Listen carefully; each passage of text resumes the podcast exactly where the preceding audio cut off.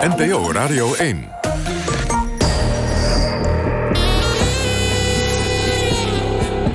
Argos. Onderzoeksjournalistiek van Human en de VPRO. Erik Arends. Goedemiddag en welkom bij Argos. De laatste Limburgse ridder noemt hij zichzelf graag. Dion Graus heb ik het over. Sinds 2006 Tweede Kamerlid voor de PVV. En ook bij de komende verkiezingen weer prominent aanwezig op de kieslijst van die partij. Maar de Haagse carrière van Graus gaat gepaard met nogal tumultueuze gebeurtenissen. Aangiftes van ex-geliefden, een dreigende affaire over onterechte vergoedingen. Tot dusver had het nieuws weinig gevolgen voor de flamboyante parlementariër. Maar nu ligt er een belastend dossier bij de Rijksrecherche. Dat ontdekte Joep Dome van NSC Handelsblad. Hij publiceert vandaag een onthutsend artikel in zijn krant. En daar komt hij straks na half drie over vertellen. En ook in deze uitzending houden we u uh, op de hoogte van wat er uh, gaande is in de eredivisie. Want over een minuut of tien ongeveer begint in Rotterdam de wedstrijd Sparta tegen Fortuna. Maar eerst onze reportage. Stel, je wordt ziek en moet naar de dokter, maar je spreekt de taal niet. Dan is het handig, of beter gezegd noodzakelijk, dat je wordt geholpen door een tolk. Lange tijd gebeurde dat ook in de spreekkamers van huisartsen en specialisten. Maar tien jaar geleden stopte de overheid met de financiering van tolken in de zorg. Edith Schippers, de toenmalige minister van Volksgezondheid, vond dat het je eigen verantwoordelijkheid is om de taal te leren. En patiënten moeten het sindsdien zelf oplossen. Soms doen ze dat nu door hun eigen kinderen in te zetten. Wat zijn daarvan de gevolgen? Luistert u naar een reportage van Marit Koopmanschap en Reinier Tromp.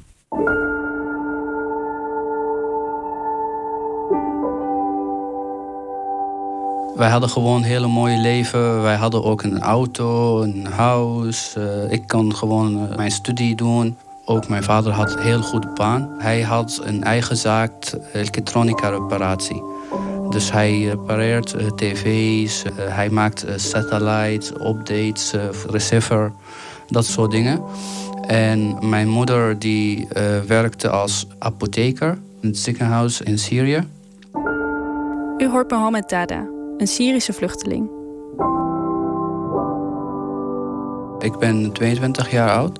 Ik studeer geneeskunde in Nijmegen. En uh, ik ben nu zes jaar in Nederland. En zijn jongere broertje Abdullah. Ik ben Abdullah Dada. Ik ben 11 jaar. Ik kom uit Syrië. Ik zit nu in groep 8. Zes jaar geleden vluchtte Mohammed alleen uit Syrië. Samen met mijn Argos-collega Reinier Tromp ben ik op bezoek bij de familie Dada in Eibergen, een plaatsje in de Achterhoek. Daar waar Mohammed en zijn familie sinds drie jaar herenigd zijn. In Nederland staat oorlog. Wat verandert er dan eigenlijk? Alles is gewoon heel anders geworden. Niet alleen dat hoe het gaat in het land, ook mensen zijn veranderd. Want iedereen wil gewoon zijn leven gaan redden en niemand denkt aan de ander. Dus dan moet je echt voor jezelf gaan denken. Eerst uh, ben ik uh, zelf alleen naar Nederland gekomen, gevlucht uit mijn land door de oorlog daar. En uh, dat was in 2015, in de zomer. En mijn familie was gewoon in Aleppo gebleven, want wij konden niet met de allen gaan. En daarna in 2017, toen ik mijn verblijfsvergunning kreeg, heb ik een gezinshereniging aangevraagd. En vandaar, zij konden zeg maar in een veilige manier naar Nederland uh, komen. En sinds 2017 wonen wij hier. Zijn vader, moeder, broertje en twee zussen komen naar Nederland. Vader Dada heeft hartproblemen. Hij heeft in 2014 een hartinfarct gehad. En ook in september 2020 ook weer een hartinfarct. De probleem die hij nu heeft is dat uh, hij moet niet te veel werk doen hij moet altijd zijn rust nemen. Hij moet elke drie maanden gecontroleerd worden door het ziekenhuis. Mohammed spreekt goed Nederlands, maar dat geldt niet voor zijn ouders. Hoe ouder je wordt, hoe ja, lastiger het wordt om nieuwe dingen te leren. En één hele nieuwe, complete taal te leren, het was ook voor mij. Maar als jij voor ons jonge mensen, als jij gaat ontwikkelen in de taal, dan wordt het beter en sneller. Maar voor hun, zij vergeten heel veel. En bijvoorbeeld als zij iets uh, hebben geleerd, een week later is gewoon, ja, zij hebben dat vergeten. En dat komt ook omdat zij niet uh, heel veel contact met mensen hebben. Dus zij zitten thuis En zij moeten de taal leren, alleen maar theorie, niet praktijk. En dat is gewoon lastig om taal te leren. Door de zwakke gezondheid van hun vader moet hij regelmatig naar de dokter. Mohammed en Abdullah moeten dan mee om te helpen vertalen. En het begin ging eerst mijn broer mee, maar na een jaartje of anderhalf, toen ging ik mee. Weet je nog hoe oud je was? Ik was uh, tien. Toen ik begon, soort van een beetje begon de taal te beheersen, toen begon mijn broer een beetje meer, had hij tijd nodig voor zijn studie. Daarom had hij soort van geen tijd om mee te gaan met mijn ouders. En toen zeiden mijn ouders dat ik mee moest gaan, omdat ik taal een beetje meer beheers. Hij heeft dan geen tijd. En ja, daarna ging ik gewoon elke week ongeveer. Ging ik een keertje en hij ongeveer twee keertjes. Hoe keek je eigenlijk in het begin tegen tolken aan? Toen je het voor het eerst moest doen? toen vond ik het best wel erg moeilijk. Want net als hoe ik het zei, ik had de taal nog net onder controle. Dan kom je bij je ziekenhuis gewoon eerste afspraak meteen bij je ziekenhuis. Dan hoor je allemaal woorden over ziektes of zo. Abdullah spreekt de taal nog maar drie jaar. Maar voor zijn vader is het van levensbelang dat hij aanwezig is. Het gaat om zijn leven. Als het iets heel belangrijks is en je zegt het niet en hij houdt zich er niet eraan, want je zei het niet, dan gaat er jaren minder van zijn leven. In het begin, toen ik in het begin ging vertalen, toen was het, uh, ja, daar was ik heel erg bang voor. Sommige woordjes wist ik niet wat ze in het Arabisch betekenden. En sommige woordjes wist ik niet eens wat ze betekenden in het Nederlands. Als ik er echt niet uitkom, zeg ik: Ja, probeer maar. Geef maar de telefoon aan de dokter. Laat hij het opschrijven op dat ene translaat-ding, vertaler. En dan, uh, ja, dan krijgt hij je antwoord. En soms geeft hij ook geen goede antwoorden. Dus dan zit je ertussen. Dan moet je nog een keer gaan uitleggen. Ja, en dan ja, zit je ertussen en weet, weet je niet wat je moet doen. Gaat je vader eigenlijk wel eens alleen naar de dokter? Uh, volgens mij, dat is alleen maar één keer gedaan. Dat kwam eigenlijk omdat mijn broer helemaal niet kon. Ik had ook school. Ik kon niet uit. Ik, had, ik zat midden in de toets. Tijdens dat toets had ik uh, vorig jaar zat ik te denken hoe zal het misschien gaan? Zal hij misschien een foutje maken? Want hij gaat naar afspraak voor zijn rug. Misschien zegt de dokter iets en hij snapt het niet. Hij wist niet dat hij het moest vertalen of zoiets.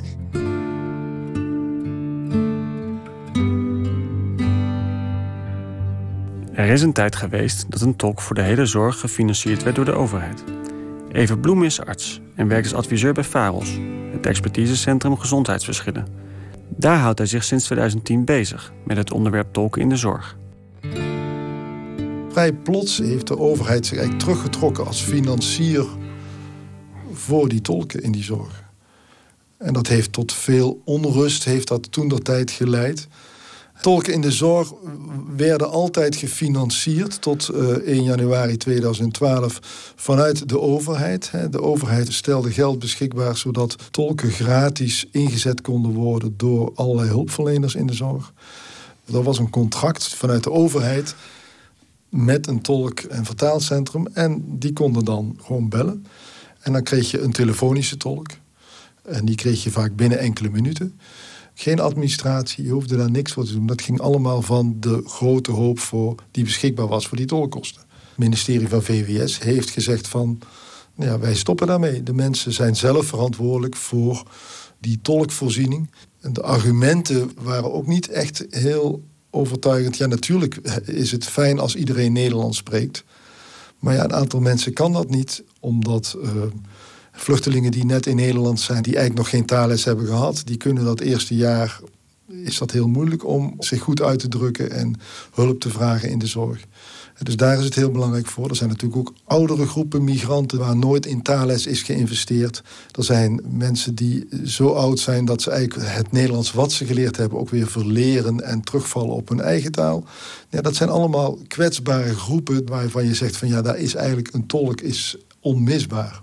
Toen u voor het eerst hoorde van deze vergoeding die gaat afgeschaft worden, wat dacht u toen? Nou ja, ik wil in ieder geval een slecht plan, omdat bepaalde groepen het kind van de rekening zullen worden ten aanzien van de toegang en de kwaliteit van zorg. De betrokkenen in die zorg hebben allemaal gezien van dit is niet goed voor de kwaliteit en de toegankelijkheid van de zorg voor deze groep. Waarom is dat niet doorgekomen? Ik weet het niet. Of dat nou vasthouden aan een idee is, een voornemen, uh, of dat het een ideologisch iets is. Mensen moeten de taal spreken. Hè? Dat is natuurlijk een uitgangspunt. En dat is ook een goed uitgangspunt. Dat mensen de taal leren en gaan spreken. Maar dat kun je niet voor iedereen op ieder moment meteen eisen dat die taal voldoende is. Als patiënten geen gebruik kunnen maken van een tolk, gaan ze improviseren. Met alle gevolgen van dien. Wat er dan gebeurt is dat men zonder tolk werkt, of met een bevriende of een vriend als tolk of een kind als tolk. Daar krijgen wij bijvoorbeeld ook signalen van dat scholen klagen over dat kinderen van school gehouden worden omdat ze mee moeten met hun moeder naar het ziekenhuis. En als dat te vaak gebeurt, dan komt weer de leerplichtambtenaar om een kind. Dus dan zie je dat ze enerzijds dat de druk op die gezinnen dan ook weer groter wordt en ook op die kinderen. Maar daarvan is eigenlijk iedereen het erover eens dat het inzetten van kinderen als tolk eigenlijk een slechte zaak is. Alleen gebeurt het wel.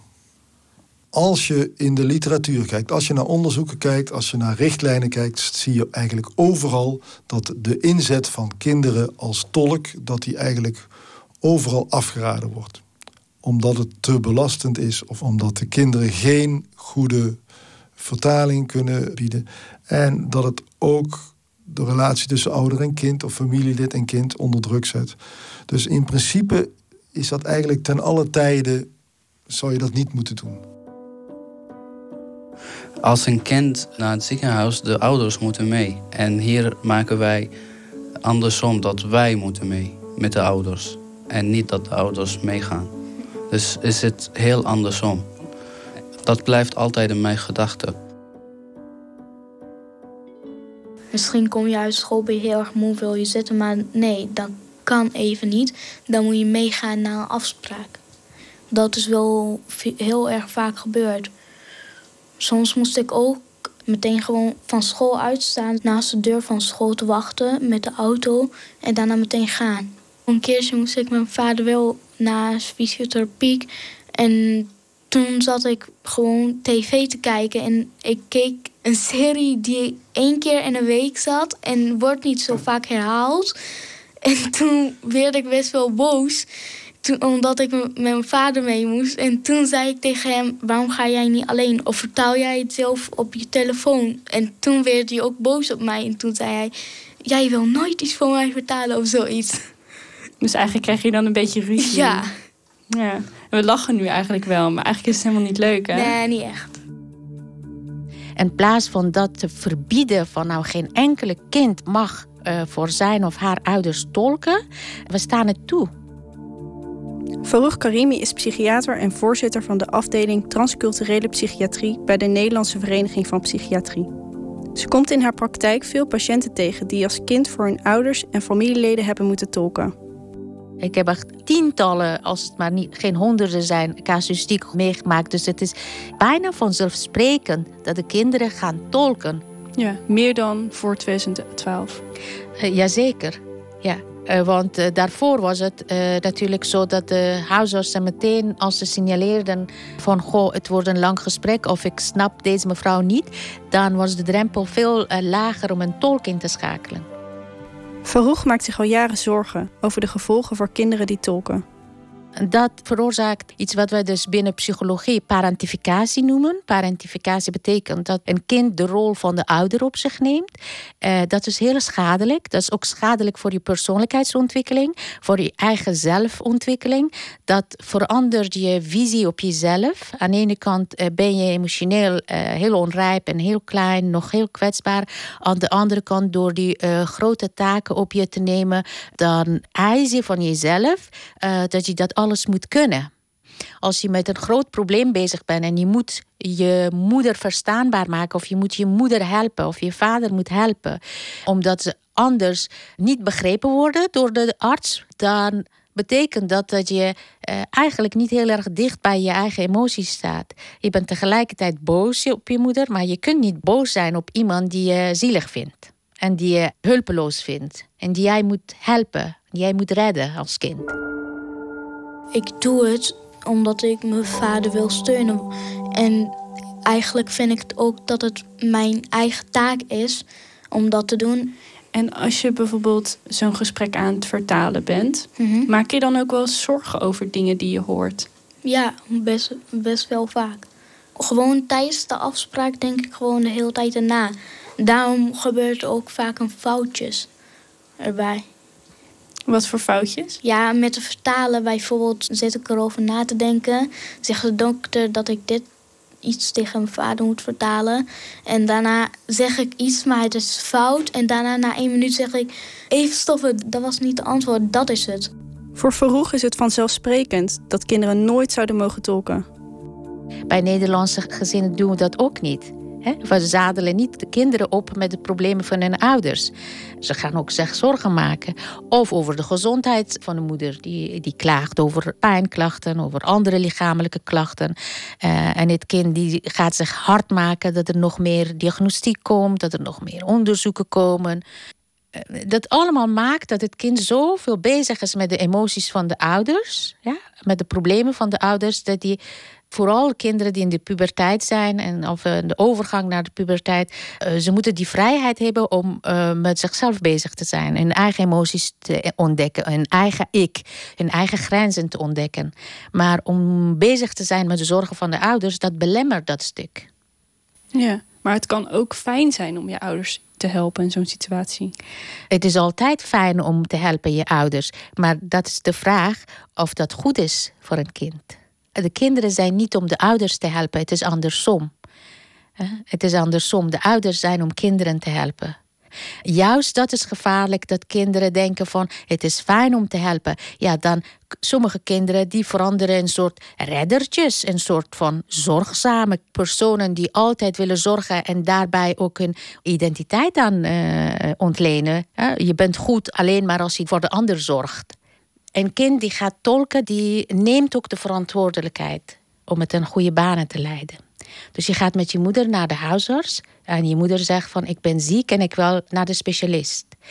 Als kind ga je niet zeggen tegen de huisarts: uh, Mijn moeder heeft pijn hier of pijn daar. Je gaat de huisarts ook overtuigen, want dat is jouw uh, verantwoordelijkheid om de huisarts te overtuigen dat je moeder naar de specialist verwezen wordt plotseling kan je moeder ook uh, informatie geven aan, aan de huisarts of aan de uh, andere arts, waarbij je als kind je heel erg zorgen gaat maken. Hè, bijvoorbeeld dat je zich niet gelukkig voelt, of over depressieve klachten. En soms ook uh, ouders die zich suicidaal uiten, terwijl de kinderen moeten tolken. Ook Mohammed vindt het lastig om met de emoties van zijn vader te worden geconfronteerd niet fijn om te horen bijvoorbeeld dat mijn vader is eigenlijk uh, soms bang is, soms uh, voelt hij niet goed. En ja, dat allemaal dingen die, die hoef ik niet te weten, want ik zie mijn vader als een held. En als bijvoorbeeld dat soort dingen uh, worden gezegd, dan wil ik niet geloven, dat soort dingen. Want ja, een mens kan soms zwak zijn, maar niet voor altijd. En dat, nu zie ik dat mijn vader gaat zo altijd zijn. En uh, dat geeft mij gewoon bang gevoel. Laatst bij uh, psycholoog. Ik hoorde dingen zeg maar, die ik uh, dacht, poeh, ja, hoef ik niet te weten. Gewoon heftig. Ook als jij dat hoort van jouw vader. Dan hoor jij zeg maar dingen die ik denk als het een normaal situatie is, mijn vader, hij zal dat nooit delen met ons. Maar nu heeft hij gezegd, omdat ik ben degene die gaat vertalen. Doet dat denk je ook iets met jullie verhouding? Ik weet niet hoe ik dat kan beantwoorden, maar dat voel ik wel. Want soms uh, hoorde ik dingen van de arts. En dan moet ik dat aan mijn vader vertalen. En dan kijk ik naar hem, zeg maar. En dan moet ik dat echt met pijn gewoon gaan vertalen. En soms, eh, nee, niet soms, heel vaak ik heb dingen niet echt goed verteld aan hem, omdat ik niet hem wil pijn doen. Mohammed vertaalt ook intieme gesprekken, bijvoorbeeld voor zijn moeder. Een keertje moest ik uh, met mijn moeder mee naar het huisarts. En daar zat ik gewoon tussen te vertalen. En dan, ja, zij vroeg zeg maar dingen over uh, ongesteldheid. En ja, sorry, daar, daar kan ik niet uh, met mijn moeder zitten en dan dat vertalen in mijn eigen taal. Want dan voel ik echt ongemakkelijk. En ook uh, onze cultuur is niet zo makkelijk dat jij dat soort onderwerpen spreekt met je ouders. Ik begin nu echt na te denken hoe dat ik hoop dat het nooit gaat komen in de toekomst voor, voor mijn kinderen. Of, want het is gewoon heel lastig. Want dat ding heb ik meegemaakt en mijn broertje ook. En dat uh, wil ik nooit meer. Psychiater Farouk ziet de zorgen die Mohammed heeft ook terug bij de cliënten in haar praktijk. Een deel van die cliënten die zijn heel bang om zelf uh, moeder te worden. Uh, want ze zeggen van ik wil mijn kind dit niet aandoen wat ik dan zelf meegemaakt heb. Want ik heb zoveel moeten zorgen en ik ben zoveel getuige geweest van de problemen. Uh, ik ben bang dat ik geen goede moeder ga worden. Een andere groep is een, een groep die een kind krijgen, maar die gaan zoveel het kind beschermen dat je eigenlijk, dan gaat het helemaal tegenovergestelde kant op. Dat het kind helemaal niet begrensd wordt, dat het kind alles krijgt wat je dan begeert om maar te beschermen, want uh, deze mensen hebben dat niet gekregen. Als we willen dat we in de toekomst kinderen hebben die gezonder zijn, die dan toch een gezondere persoonlijkheid ontwikkelen, die uh, evenwichtigere zelfbeeld hebben, dan moeten we de ouders nu helpen. En de tolken, je betaalt het nu of je betaalt het later met schade.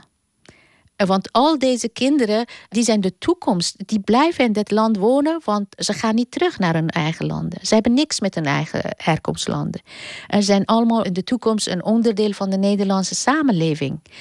Wij moeten zorgen dat zij eh, inderdaad stevige mensen worden en dezelfde zorg krijgen om enigszins een eh, normale kindertijd te hebben. Ook hebben ze heel veel andere zorgen. Ze dragen een rugzak waarin heel veel stenen zitten. En de overheid heeft nog een steen erbij gedaan door het afschaffen van de tolkenvergoeding. Nou, ik zeg, haal dat eraf.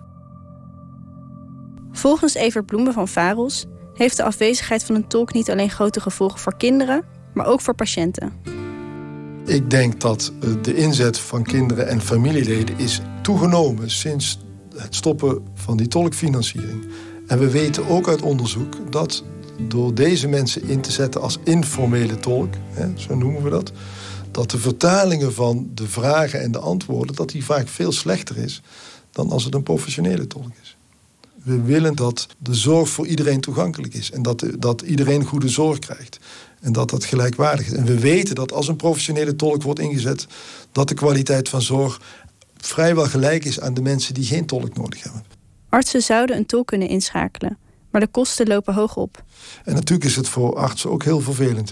zeker omdat de tolkkosten gewoon um, een aantal keer duurder zijn dan het consult.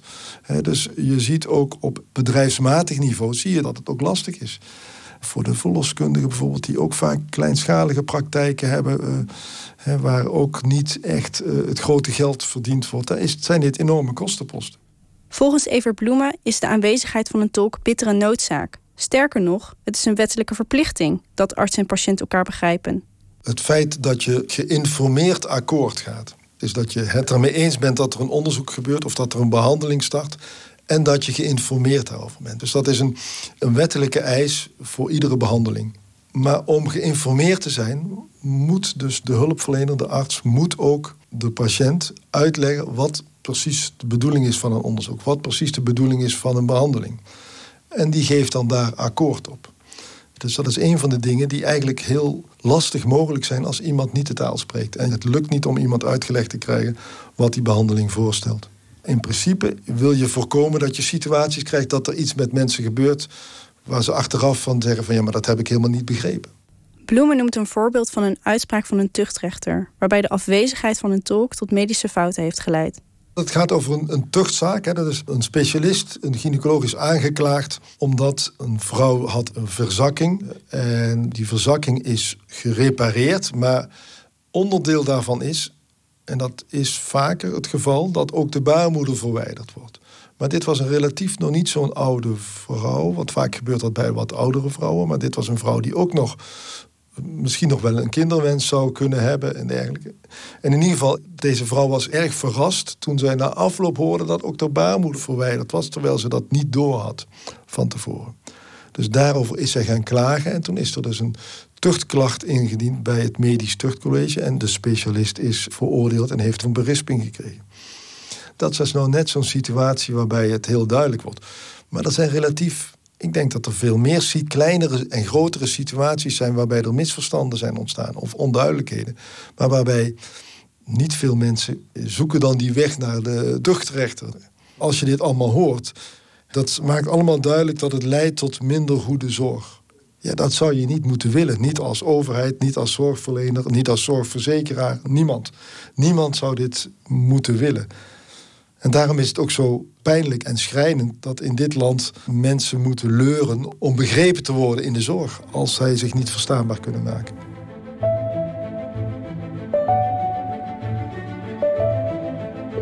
Als je hier langer al in Nederland bent, dan uh, moet je gewoon de taal leren. Maar hier gaat het om statushouders die versneld zijn ingestroomd als gevolg van gezinshereniging. En om dan te zeggen dat die na een half jaar voldoende Nederlands moeten kunnen spreken om een zorggesprek te kunnen voeren, dat vinden wij niet realistisch.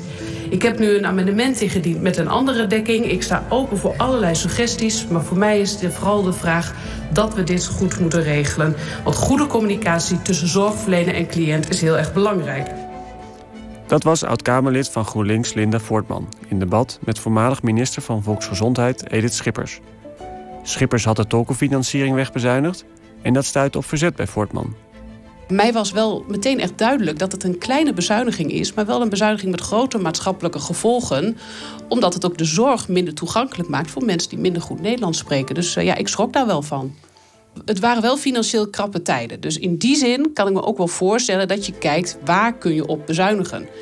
Uh, en dan is dit, ja, kun je zeggen, dit is wel weer 19 miljoen minder. Maar het is wel 19 miljoen daar, maar de kosten komen dan op andere plekken. Hè? Als mensen bijvoorbeeld vervolgens niet de behandeling goed doen... en vervolgens uh, misschien juist wel weer zwaardere zorg nodig hebben... ja, dan krijg je de rekening op een andere plek weer terug. Dus de vraag was ook of dit ook wel zou leiden tot de besparing die je ervoor ingezet had. We hadden het hier al meerdere keren over gehad. En de, de reactie vanuit het kabinet was in ieder geval in 2011 van ja, mensen moeten gewoon eigen regie voeren. Mensen zijn zelf verantwoordelijk. Je moet de taal leren. Want hadden mensen geen Nederlands moeten leren dan? Ik vind dat mensen zeker Nederlands moeten leren. Uh, als je hier komt, ik denk dat het heel belangrijk is dat je Nederlands uh, spreekt om deel te kunnen nemen aan de samenleving. Alleen het punt is wel, er zijn situaties waarin uh, mensen bijvoorbeeld nog maar net hier zijn, of situaties waarin er nooit eerder geïnvesteerd is in mensen om Nederlands te leren. En ja, Bovendien, je kunt nog wel zeggen, mensen hadden Nederlands moeten leren. Maar nu zit je dan met een situatie waarin mensen zorg nodig hebben. En ja, waarbij je wel wil dat die zorg goed verleend kan worden. Dus ik vind ook niet dat je dan het probleem van dat mensen niet of nog niet Nederlands geleerd hebben, dat je dat ja, op het bordje uh, zou moeten leggen van um, ja, de zorgverlener. Voortman probeerde in 2016 via een amendement alsnog om de bezuiniging terug te draaien. Ik heb dat uh, amendement toen ingediend en Pia Dijkstra van D66 heeft meegetekend en Toenahan Kuzu van DENK. Uh, dat amendement is toen niet aangenomen. Mm -hmm. Wat gebeurt er dan eigenlijk? Ja, niks. Het amendement is verworpen. Betekent dus dat het kabinet er niks meer hoeft te doen. Sindsdien is het potje voor de tolkenfinanciering nooit meer teruggekomen. Wat zou kunnen is dat hierin meespeelt, is dat je niet direct een gezicht bij het probleem ziet. De slachtoffers die gaan niet massaal op het, het Malieveld uh, staan. Er zijn geen groot stuk in de krant. Uh, dus in die zin is er niet brede verontwaardiging hierover. En ja, dan kan ik me voorstellen dat het daardoor ja, ook minder snel weer op de politieke agenda komt. Deze groep kan zich letterlijk uh, minder goed verstaanbaar maken. En zijn denk ik ook niet de mensen die snel gaan protesteren of ja, de weg weten te vinden naar instanties. En is het makkelijk bezuinigen? Uh, ja, kennelijk wel. Ja. Pijnlijk. Soms denk ik ook waarom er niemand anders dan mij gaat. Waarom moet ik en mijn broer alleen maar gaan? Wij hebben ook leven. Wij moeten ook onze leven, ja, een soort van gewoon leven. Wij moeten gewoon ook eigen tijd hebben. Dat denk ik wel soms.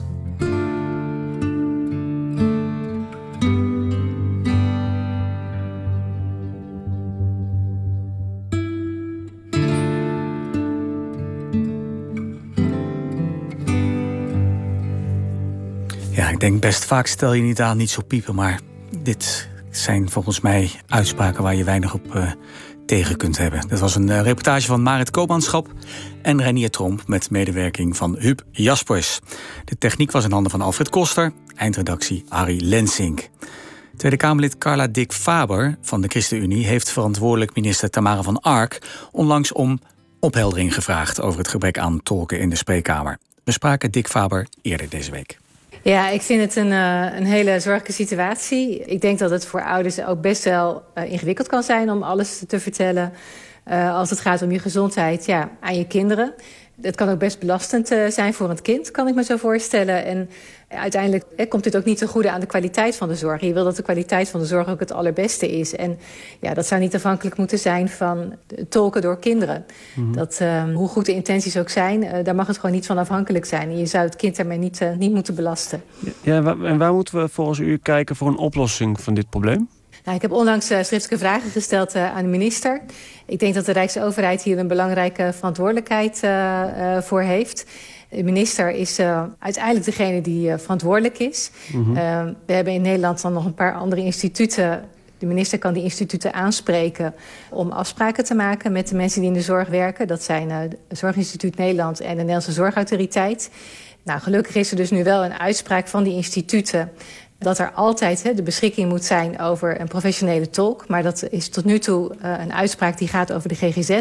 En wat de ChristenUnie wil, is dat er gewoon zorgbreed... Dus niet alleen in de GGZ, maar ook in het ziekenhuis bijvoorbeeld... dat er dan ja, een beroep kan worden gedaan op een professionele tolk... en dat de kosten daarvan ook gewoon vergoed worden. Dat je die niet uh, als arts hoeft te dragen... maar dat ook de patiënt die kosten niet hoeft te dragen. Die moeten gewoon vergoed worden. -hmm. Ja, want ik, ik heb die antwoorden gelezen op die uh, eerdere vragen van u. Ik kreeg daar wel de indruk dat die minister vooral wees naar die partijen die u noemt. Hè? Dus die zorgverleners en die zorgverzekeraars. Uh, heeft de minister hier niet ook een verantwoordelijkheid? Ik vind dat de minister uh, hier zeker een verantwoordelijkheid heeft. De minister wijst inderdaad wel heel makkelijk naar het zorgveld, zoals het dan heet. De Nederlandse Zorgautoriteit, het Zorginstituut en de zorgverleners... die moeten dat samen met elkaar oplossen. Hmm. Maar ik vind uh, uiteindelijk dat de minister hier actiever in moet zijn... en dat ze ook het gesprek moet aangaan met de Nederlandse Zorgautoriteit en het Zorginstituut... zodat iedereen die in de zorg werkt de beschikking heeft over tolken... Dat ze ook goede zorg aan de patiënten kunnen leveren. Daar gaat het uiteindelijk om. En dat die kosten ook gewoon vergoed worden. En dat is nu niet het geval. Uh, en dat moet echt worden opgelost. En daar heeft de minister zeker ook de eindverantwoordelijkheid voor. Ja, dan bent u nog, uh, nog heel even Kamerlid van een coalitiepartij. Uh, weliswaar demissionair kabinet. Mm. Maar ziet u daar nu nog mogelijkheden voor deze regeerperiode? Nou, de regeerperiode komt uh, inderdaad snel uh, aan het einde. Het is inderdaad al een demissionair kabinet. Ik weet zeker dat uh, mijn opvolger dit thema ook met verve zal oppakken. Maar ik overweeg ook zeker nog om hierover verdere schriftelijke vragen te stellen. Omdat ik echt wil dat de ja, minister hier ja, een actievere houding in heeft. En ook echt NZA en het Zorginstituut ook aanspreekt op hun verantwoordelijkheid. Al dus ChristenUnie Tweede Kamerlid Carla Dick Faber. We hebben minister Van Ark ook om een reactie gevraagd. En ze laat schriftelijk weten dat het onwenselijk is om minderjarigen in te zetten als tolk. Maar ze meldt, ook dat ze niet precies weet hoe vaak het voorkomt. Voor een mogelijke oplossing voor het probleem met de tolkenfinanciering wijst Van Ark inderdaad naar de zorgaanbieders en de zorgverzekeraars. Een volledige reactie is te lezen op onze website argosonderzoekt.nl. Daar kunt u ook lezen wat het gebrek aan tolken betekent voor de zorg bij geboortes. Uit een enquête die we hebben gehouden onder 159 verloskundigen blijkt dat de afschaffing van de tolkenfinanciering een negatieve invloed heeft op hun werk.